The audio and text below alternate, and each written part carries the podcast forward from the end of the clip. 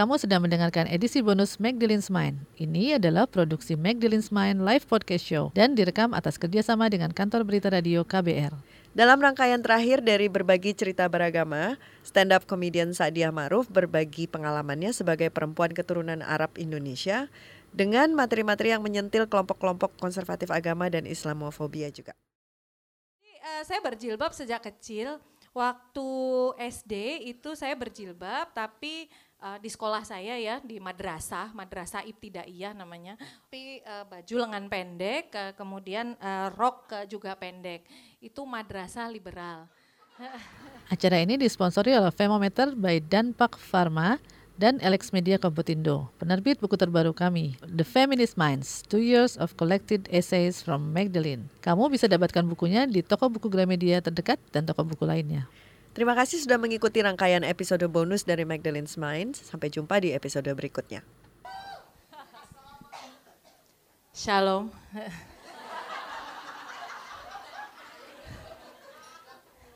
Alhamdulillahirabbil alamin wassalatu wassalam ala asrofil anbiya wal mursalin Sayyidina wa maulana Muhammadin. Ibu-ibu dan bapak-bapak sekalian, setelah kita bersama-sama berbuka puasa, marilah kita tutup acara pada malam hari ini dengan membaca doa sesuai dengan agama dan afiliasi politik masing-masing. Terima kasih. Shalom. Sudah kan ya? Belum, Mbak. Lo enggak maksudnya Magdalene, ini kan saya keturunan Arab. Iya. Berjilbab. Di akhir Iya. baca doa kan? Doa penutup dia betulan. Baca doa dong. Oke baiklah, oke oke oke. Eh, doa sudah. Ya eh, ibu-ibu dan bapak-bapak sekalian agar terasa nua- suasana Ramadan. Pada sore hari ini izinkanlah saya untuk menyampaikan sebuah lagu dari Maher Zain. Loh, loh iya, ini acara Ramadan apa? Acara Ramadan kok nggak terdengar Maher Zain? Bukan acara Ramadan. Kenapa kaf- kafenya nggak punya Maher Zain ya? Apa? Oh Zain Malik, iya.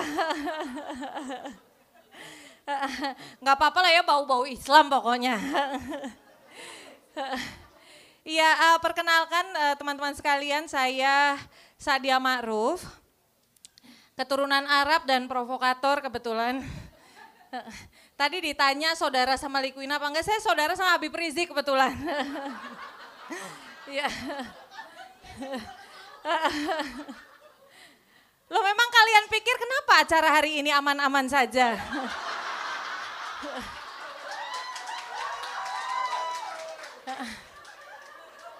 Ada lagunya Maher Zain lagi.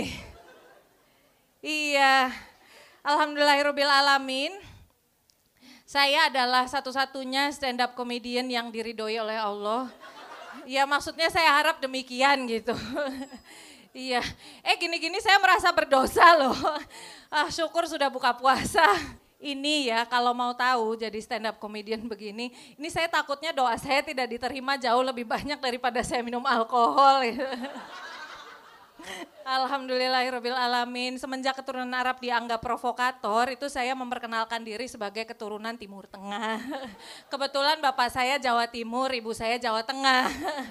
Iya, bapak saya dari Surabaya asalnya. Ibu saya asalnya dari Pekalongan. Bagi kalian yang memahami Surabaya dan Pekalongan pasti tahu ya, di kota-kota tersebut memang banyak ras unggul seperti kami. Loh iya, ras unggul loh. Kami ini di original Muslims. iya kan? Loh, tanpa kami, kalian semua masih menyembah batu. iya, tapi jangan salah. Orang Arab di Indonesia belajar Islam dari orang Cina. Loh iya, Islam masuk ke Indonesia ini sejarah ya. Islam masuk ke Indonesia abad ke-17. Islam masuk ke Cina daratan abad ke-13. Kemudian masuk ke Indonesia pertama kali lewat Laksamana Cheng Ho. Ya, jadi buat teman-teman sekalian yang Cina jangan khawatir. Kalian kalian aman kok hidup di Indonesia. Tinggal bilang aja, nenek moyang saya Islam loh.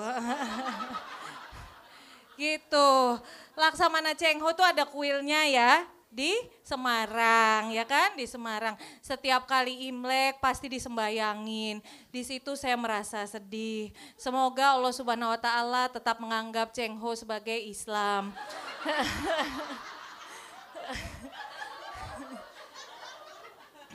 Dan diterima segala amal ibadahnya. Amin.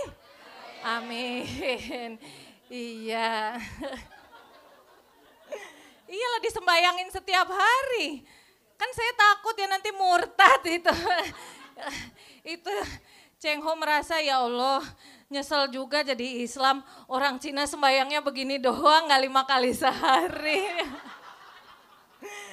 iya, iya, kan saya udah Cina, ngapain saya sembayang lima kali sehari? Gitu kan. Ya Allah, maafkan Cheng Ho. Mari kita semua mengirimkan Al-Fatihah untuk arwah Cheng Ho. iya, nah, mumpung Ramadan kan mudah-mudahan makbul, maksudnya yang ngomong jangan komedian gitu. Iya, sedekat-dekatnya saya dengan alkohol adalah sirup obat batuk. Minggu lalu saya ke Australia beli obat, waktu itu agak agak demam sedikit. Beli obat di Australia obatnya non alkohol bule macam apa ini? ini kan satu-satunya kesempatan saya minum alkohol. Gak batuk juga saya batuk-batukin ini. ya Allah. Kan kalau minum alkohol karena batuk, itu kan ada apa ya? Maksudnya uh, Allah Subhanahu wa taala itu fleksibel loh. Iya kalau minum alkohol karena batuk itu biasanya nggak apa-apa. Sama kalau nggak sholat karena macet tuh. Iya, pokoknya bilang ya Allah gitu kan, ya Allah ini macet ya Allah uh, kelewat zuhurnya ya Allah. Iya, kan kalau sama Allah kan kita berani. Nggak beraninya sama klien. Teman-teman sekalian saya ini baru pindah ke Jakarta tiga bulan terakhir lah. Dari dari bulan Januari. Uh, masih bingung gitu, masih masih bingung, sering nggak tahu jalan. Uh, Alhamdulillah ada poster caleg ya. Jadi alhamdulillah ada poster caleg. Saya waktu itu tinggal di daerah Jakarta Timur. Ya, ya Allah macet aja bangga. Jakarta Timur tuh ya 11 12 lama Bekasi ya. iya. Waktu itu kan apa? Saya sungguh true story gitu. Saya menggunakan poster caleg itu sebagai penunjuk jalan. Jadi kalau saya dari Jakarta Pusat mau pulang itu sudah ada baliho gede kan. Baliho gede dengan bintang Korea Hopefuls tuh wajahnya. Bintang Korea Hopefuls tapi kurang ganteng. kita baca Davin Kirana ya kan.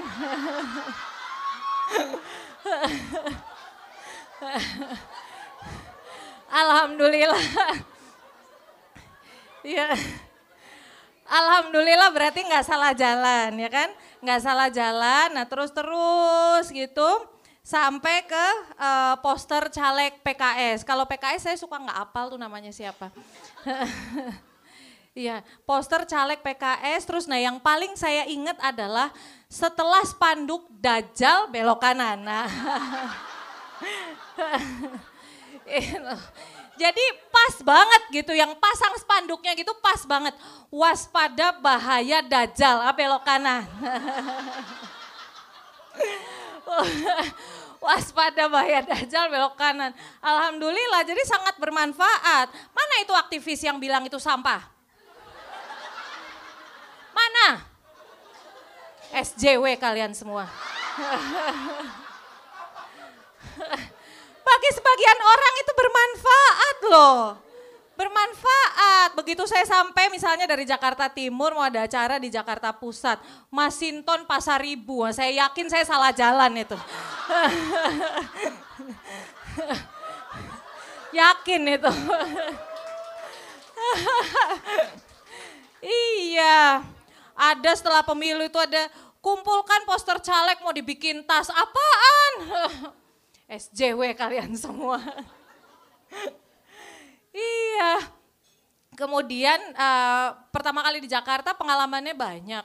Diundang meeting ke Pacific Place. Diundang meeting ke Pacific Place, saya masuk Pacific Place, Allahu Akbar. Bukan mau eh, shock aja, shock aja. Shock. Sungguh, karpetnya lebih bagus dari baju saya. Itu begitu masuk ya, Gucci, Fendi, Prada, Onye, Herme kan. Pendidikan saya lumayan tinggi alhamdulillah. Jadi saya tahu itu bacanya Onye. Bukan Egner ya kan. Herme ya, bukan Hermes ya kan. iya, cuman yang membuat saya agak besar hati sedikit lah. Begitu masuk, oh yang rame coffee shopnya doang. Ya orang Jakarta miskin juga. Sama lah, sama lah kayak saya. Jadi kita bersyukur, alhamdulillah ada korupsi.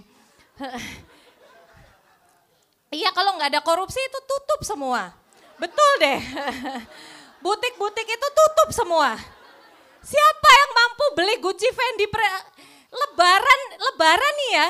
Jahat banget mereka itu. Itu konspirasi kapitalisme global Yahudi itu. iya, masa? Masa bulan Ramadan mau lebaran nggak ada 75% plus 20%? Kan sekali-kali pengen punya Gucci kan? Ya meskipun ya saya sadar ya, meskipun 75% plus 25% juga tetap nggak kebeli sih. Ya harganya kan 200 jutaan gitu ya. Ya Allah, rumah aja belum punya beli tas 200 juta. Iya terima kasih koruptor. Marilah kita kirimkan Al-Fatihah kepada para koruptor.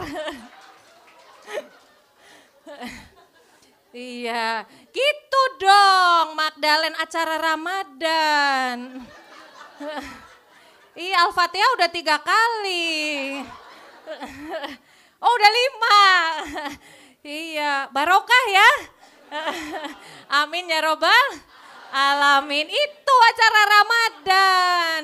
Magdalen tuh ngomong-ngomong konspirasi Yahudi juga.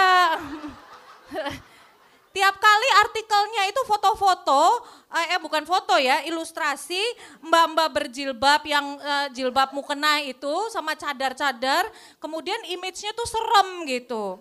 Islamofobia, konspirasi Yahudi itu Pak. iya, saya tahu Magdalen itu. Makanya saya sampaikan sekarang out loud. Kita sering kan di undang-undang forum internasional betul. Saya juga ngomong begini yang mendanai Yahudi.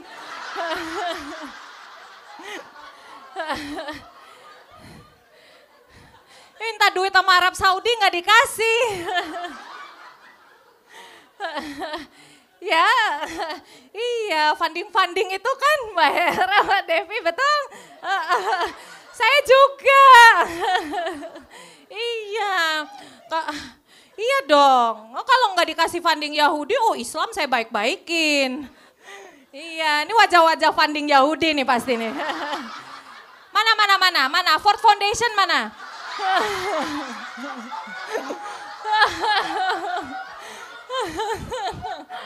Aduh, saya tahu kenapa kalian suka sekali membahas Islam dan konservatisme dan FPI.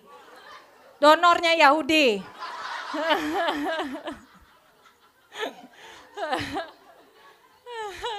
iya, lo komedi ini kan terbuka ya kan. Kita menertawakan diri sendiri juga lah.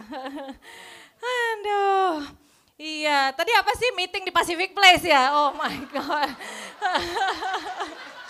Aduh. Hivos mana Hivos? Membela rakyat meetingnya di Pacific Place. Aduh.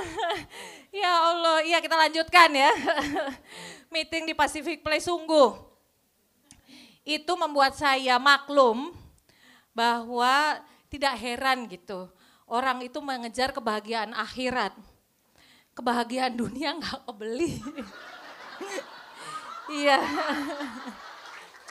benar loh. Mungkin mungkin benar mereka itu.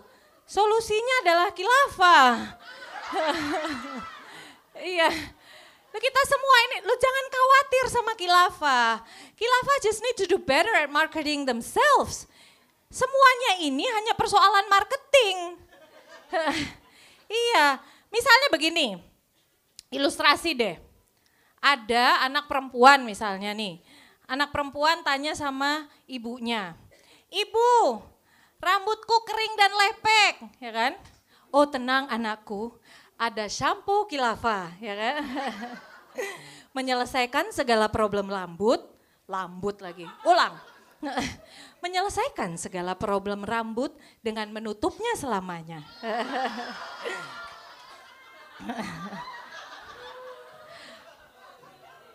Dapat dipakai 24 jam sehari, tujuh hari seminggu, bahkan di kamar mandi. Ketika hijab Anda yang jadi lepek, gunakanlah shampoo hijab. shampoo hijab buat cuci hijab kan? Ya iya kan tulisannya shampoo hijab. Kalau yang biasa itu tulisannya hair shampoo, perhatiin. Perhatiin kalau ke supermarket tulisannya hair shampoo untuk cuci rambut. Hijab shampoo untuk cuci hijab. iya kan? Iya.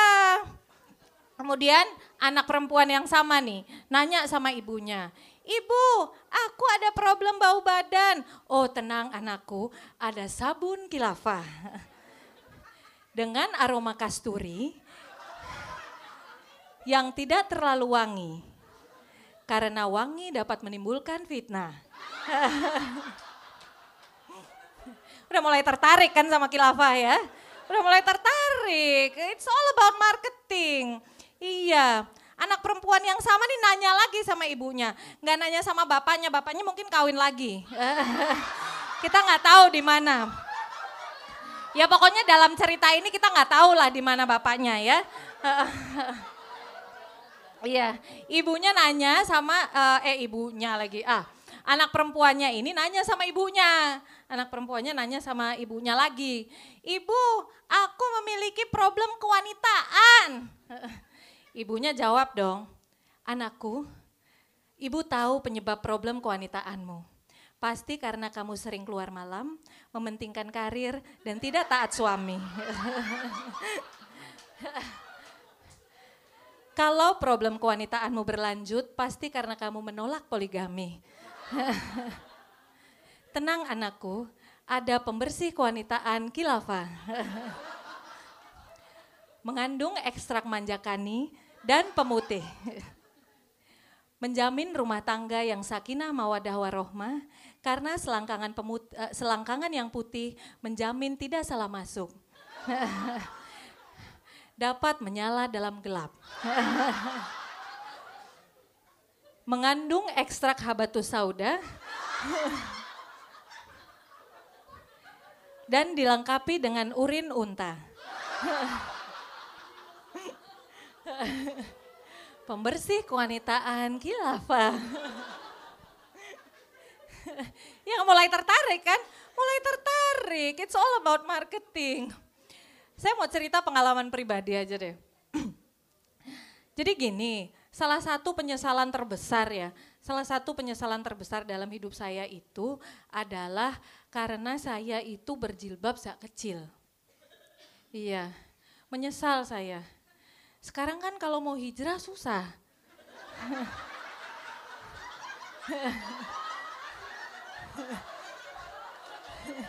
lah sudah lah sudah terlanjur berjilbab kan? Maksudnya secara DNA secara DNA itu saya bisa sih numbuhin jenggot bisa gitu. Secara D, secara DNA numbuhin jenggot bisa. Tapi kan maksudnya kasihan anak saya malu kalau saya udah nggak punya malu kebetulan. iya, jadi uh, saya berjilbab sejak kecil. Waktu SD itu saya berjilbab, tapi uh, di sekolah saya ya di madrasah, madrasah ibtidaiyah namanya. Uh, saya berjilbab tapi uh, baju lengan pendek, uh, kemudian uh, rok uh, juga pendek. Itu madrasah liberal.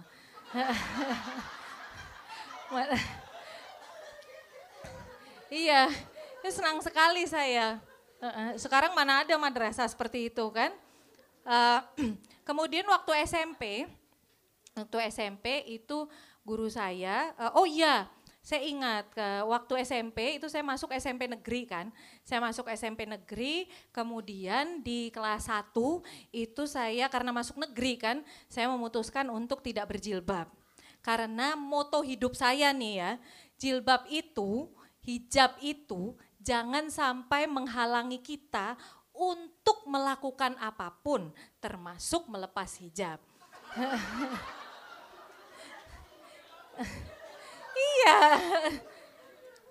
Iya, saya memutuskan untuk tidak uh, berjilbab. Eh guru saya dong, guru uh, guru agama Islam di SMP saya bilang, Sadia kan sayang ya, sayang kamu itu SD-nya sudah berjilbab, bu ya diterusin berjilbab.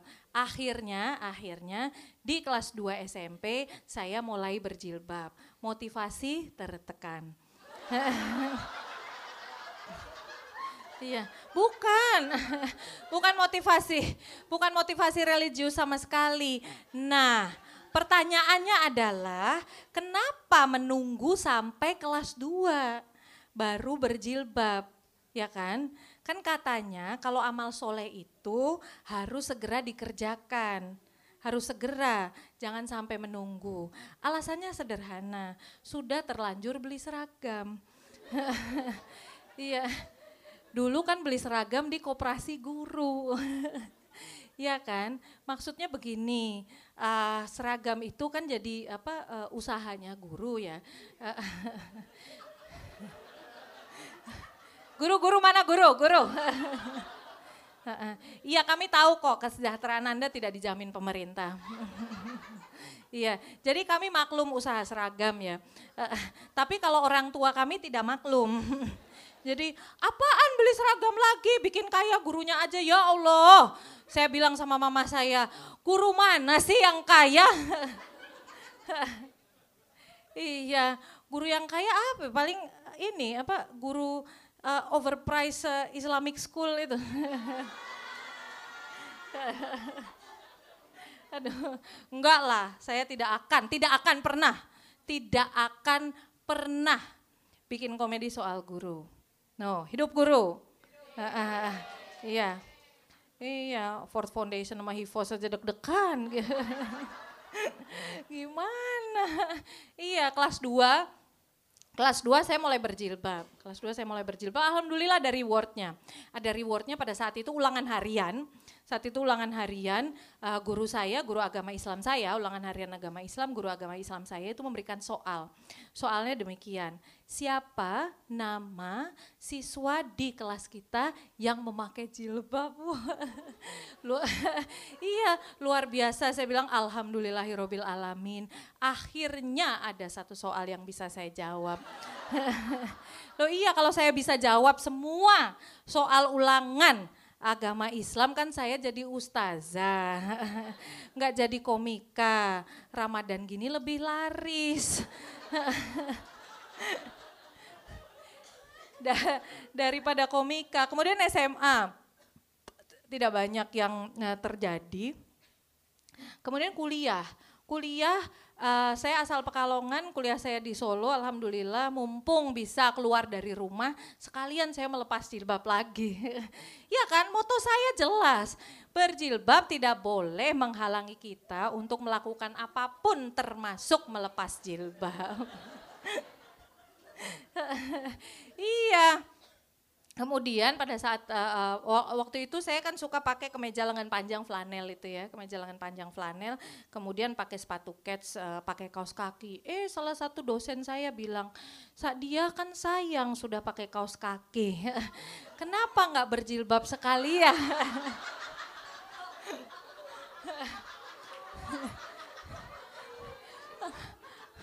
alasan sayang aja gitu, bukan alasan religius lagi sesungguhnya. Gitu kan akhirnya semester berikutnya, akhirnya semester berikutnya saya berjilbab. tapi nggak pakai kaos kaki. Loh iya kan kulitnya mesti diliatin dikit gimana caranya saya bisa dapat jodoh. Kalau kalau nggak demikian, luar biasa loh. Luar biasa. Eh, dua menit ya? Iya, oke. Luar biasa loh, pertama kali semester 2 setelah liburan semester, saya datang. Saya datang uh, masuk kuliah berjilbab. Wow, disambut, disambut kayak sahabat Nabi pulang perang. Luar biasa, inilah, inilah saudara kami dalam berjihad. Oh, selamat datang Uhti kan tadinya mbak tiba-tiba jadi uhti. Cuma karena selembar kain jadi uhti. Untungnya saya Arab kan saya ngerti uhti itu artinya apa kan gitu. Iya selamat datang uhti dipeluk-pelukin cipika-cipiki ya kan. Yang laki-laki ikut nyium. Enggak, ahi-ahi zaman dulu lumayan agak liberal sedikit. Lumayan belum kayak sekarang amat gitu. belum kayak belum kayak sekarang amat. Iya, luar biasa. Dulu dulu disambut, disambut luar biasa. Sekarang Mbak sekedar mengingatkan ya kan, sekedar mengingatkan itu berjilbab kok uh, kok jilbabnya diikat. Mana jilbab diikat? Mana mana mana, saya mau tahu orangnya. Mbak, jilbab itu kan seharusnya menutup dada. Kenapa jilbabnya diikat? Itu dadanya kelihatan tahu. Hei,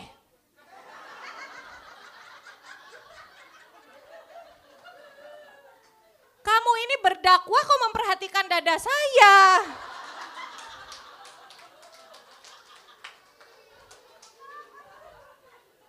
Saya itu yakin ya, yakin kalau suatu hari, suatu hari ya, syariah lah misalnya diterapkan gitu ya. Itu itu sungguh itu konspirasi laki-laki plus konspirasi Yahudi deh saya yakin.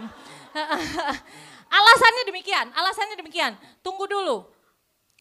Kalau kalau itu diterapkan misalnya di seluruh Indonesia lah, itu salah satu yang ya salah satu hasilnya salah satu yang menjadi hasilnya adalah adanya profesi-profesi impian laki-laki Iya, misalnya, oh, misalnya, uh, misalnya, oh mbak itu jeansnya terlalu ketat, nah kan, iya, jadi sehari-hari itu kerjaannya mengamati pantat, paha, ya kan? oh rambutnya keluar sedikit, ngeliatin perempuan aja, iya, ngeliatin perempuan aja manggil-manggil perempuan, dan tidak ada SJW yang berani bilang itu catcalling.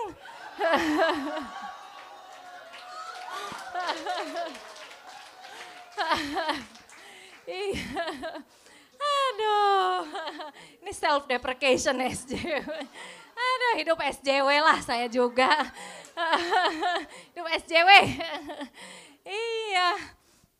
Begitu. iya. Terus saya bilang, saya bilang lagi. Gini ya, gini. Untuk mendapatkan prestasi yang demikian, ini prestasi ya. Menonjol itu kan prestasi kan? Menonjol di kelas. Ya kan kita sering ya dengar dengar istilah seperti itu menonjol. Untuk mendapatkan prestasi sedemikian ya prosesnya itu sulit. Panjang. Saya harus menikah dulu.